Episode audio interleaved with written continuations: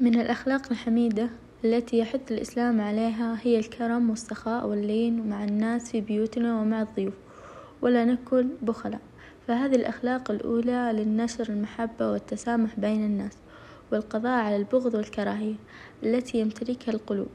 في الكثير من الأحيان بسبب البخل وعدم الإنفاق على الناس.